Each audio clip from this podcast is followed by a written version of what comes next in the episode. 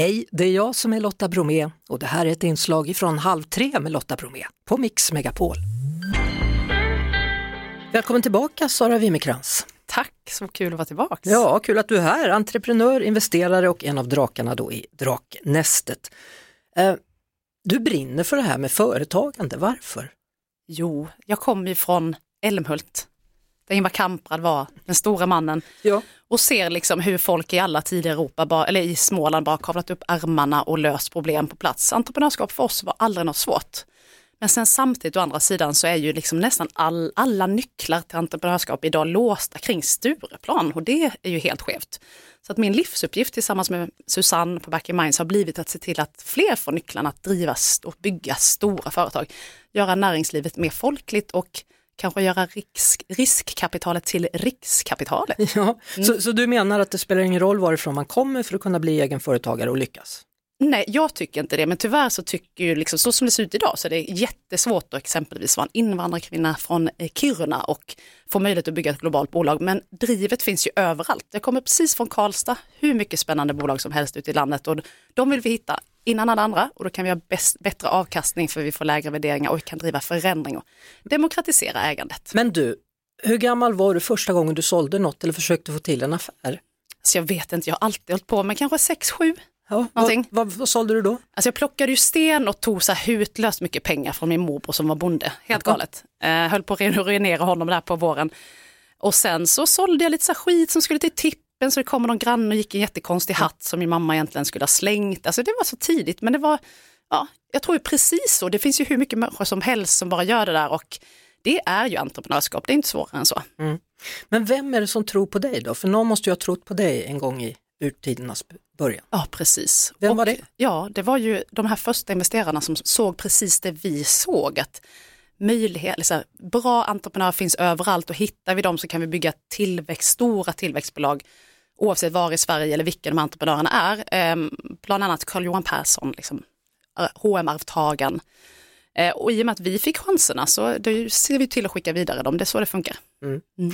Eh, vi har ju gjort så den här veckan då att Mix Megapols lyssnare har fått skicka in idéer till dig och eh, alldeles strax ska du då få ta ställning till om det är läge att investera eller om man bara ska ignorera. Ja, det ska bli så kul, se ja. vad vi har fått. Va, vad hoppas du på? Ja, alltså vanligt folk som löser vanliga problem. Eh, in, innan vi går in på de här idéerna så um, jag måste bara berätta, jag förklarade för Sara Wimmercrantz från Draknästet som är här då att jag sålde jultidningar när jag var liten och, och tvingade farmödrar, mormödrar, morfar farfar köpa jultidningar och en del grannar. Du startade sälja dina jultidningar, eller i alla fall vad du nu höll på med, redan i juli. Ja. Vad gjorde du? Nej, men då gick jag ut med handskrivna avtal och tvingade alla grannar att skriva på att de bara skulle handla jultidningar av mig. Det är så oerhört fräckt. Hade de inte egna barn och barnbarn som var utan du bara, hallå, jag norpar er här. Ja, men jag hade ju i alla fall en CD-spelare sen. Jaha, så fick du. I, I nailed it. Ja, det är bra. Du, ska vi ta och titta lite då på idéerna som har kommit in här? Mm. Mm, jag börjar med en idé här från lyssnaren IQ135 som skriver en abonnemangsapp kopplad till folkbokföringen som automatiskt skickar ut ett av dig förinspelat röstmeddelande till familj och vänner när du går bort. Jättebra idé men med ett jättestort problem. Eller två, det är så här, den här målgruppen som den här personen riktar sig mot ska dö. Och människor vill inte tänka på att de ska dö. Så dels så vill inte människor köpa någonting som påminner dem, betalar då abonnemang varje månad med tanken på att jag kommer dö. Och är det dessutom att man är i livets slutskede, då försvinner man ju som målgrupp också ganska snart. Så jag säger ignorera. Du säger ignorera på det. Mm. Ja. Eh, under veckan är det ju så att vi har bett er lyssnare att skicka in idéer då som Sara här nu då från Draknästet ska ta ställning till. Eh, ska man investera, springa vidare med idén eller ska man ignorera och begrava den? Ska vi ta en till då? Ja, kul. Mm. Så spännande. Hon heter Anna Gunnmark i Mantorp. Min idé kom till i somras när jag var ute i skogen och plockade bär med mina små kids de eh, spillde hela tiden ut sin hink med bär. Så då funderade jag på hur man kunde göra en bättre lösning på det hela och kom då fram till att man kan göra ett enkelt lock i plast som helt enkelt sluttar inåt och har ett hål i mitten där man lätt lägger i bären men sparkar man till eller tippar på hinken så faller inte bären ut. Enkelt och genialt enligt mig. Genialt säger Anna Gunmark i Mantorp. Vad säger du?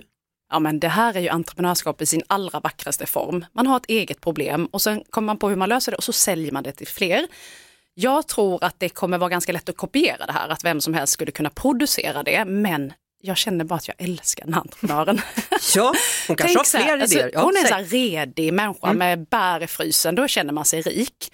Plus att jag vet ju också att, du sa ju precis att hennes, det heter ju också bärit. Så hon har dessutom humor, så att jag säger investera på grund av entreprenörens kvaliteter. Ja, vad, är det du går på när du, när du känner? Du, du, du hörde att hon var uppfinningsrik. Ja, jag kände det. Hon kommer lösa alla problem hon stöter på. Kör Anna, kör med din bärit. Har ni hört? Så fantastiskt. Det är riktigt bra. Så det. Eh, vad, vad är det mer man ska tänka på när man pitchar idé? Det är ju så här, man ska verkligen förstå sitt problem och varför just den här lösningen är bäst för kunden. Um, det är det viktigaste och inte presentationsteknik utan att man visar att jag har en passion och en uthållighet att driva, driva det här långt. Jag kommer lyckas och jag kan min kund.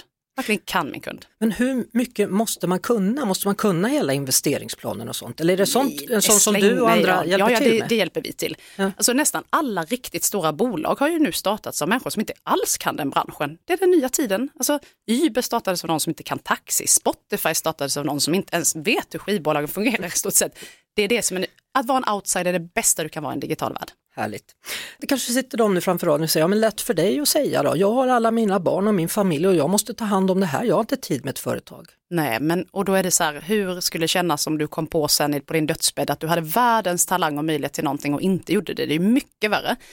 Vi, det finns ingen som hamnar på gatan i Sverige om man misslyckas med sin idé. Man ska testa och man ska testa mot kund tidigt så man inte tar på sig vatten över huvudet. Det är inte så att man startar ett företag och sen måste man bortprioritera sina barn. Du talar av egen erfarenhet. Absolut inte, det är ju resultat som räknas. Om det är någonting som märks i företagande så är det ju precis det. Det är resultat och leverans och inte antalet timmar du lägger ner. Du, du har sagt så här, din vardag är dina barns barndom. Ja, Jag gillar det någonstans, för Mm. det är, för mig mm. så är det som att det ger lite kraft här.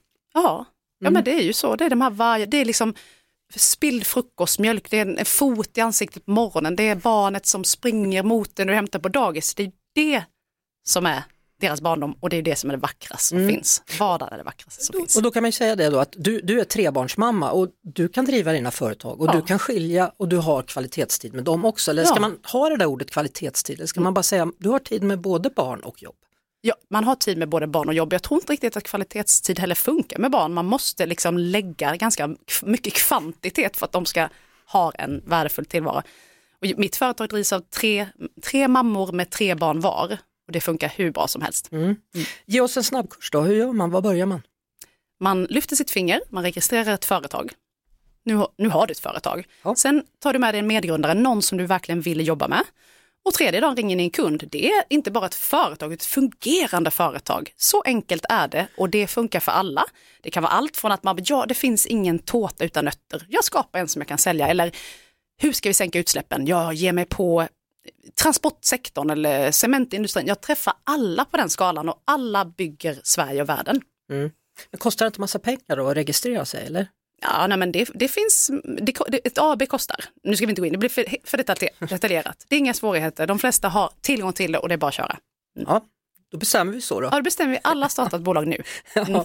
Sara Wimmerkrantz, entreprenör, investerare och en av drakarna i Draknästet. Då. Det finns lite fler eh, tips från våra lyssnare så gå ut och eh, kolla då så får ni som lyssnar eh, se resultatet sen då på våra sociala medier. Tack så mycket för att du kom hit. Tack, jättekul att vara här. Det var det.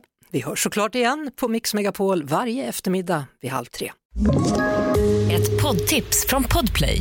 I fallen jag aldrig glömmer djupdyker Hasse Aro i arbetet bakom några av Sveriges mest uppseendeväckande brottsutredningar. Går vi in med hemlig telefonavlyssning och, och då upplever vi att vi får en total förändring av hans beteende. Vad är det som händer nu? Vem är det som läcker? Och så säger han att jag är kriminell, jag har varit kriminell i hela mitt liv men att mörda ett barn, där går min gräns. Nya säsongen av Fallen jag aldrig glömmer på Podplay.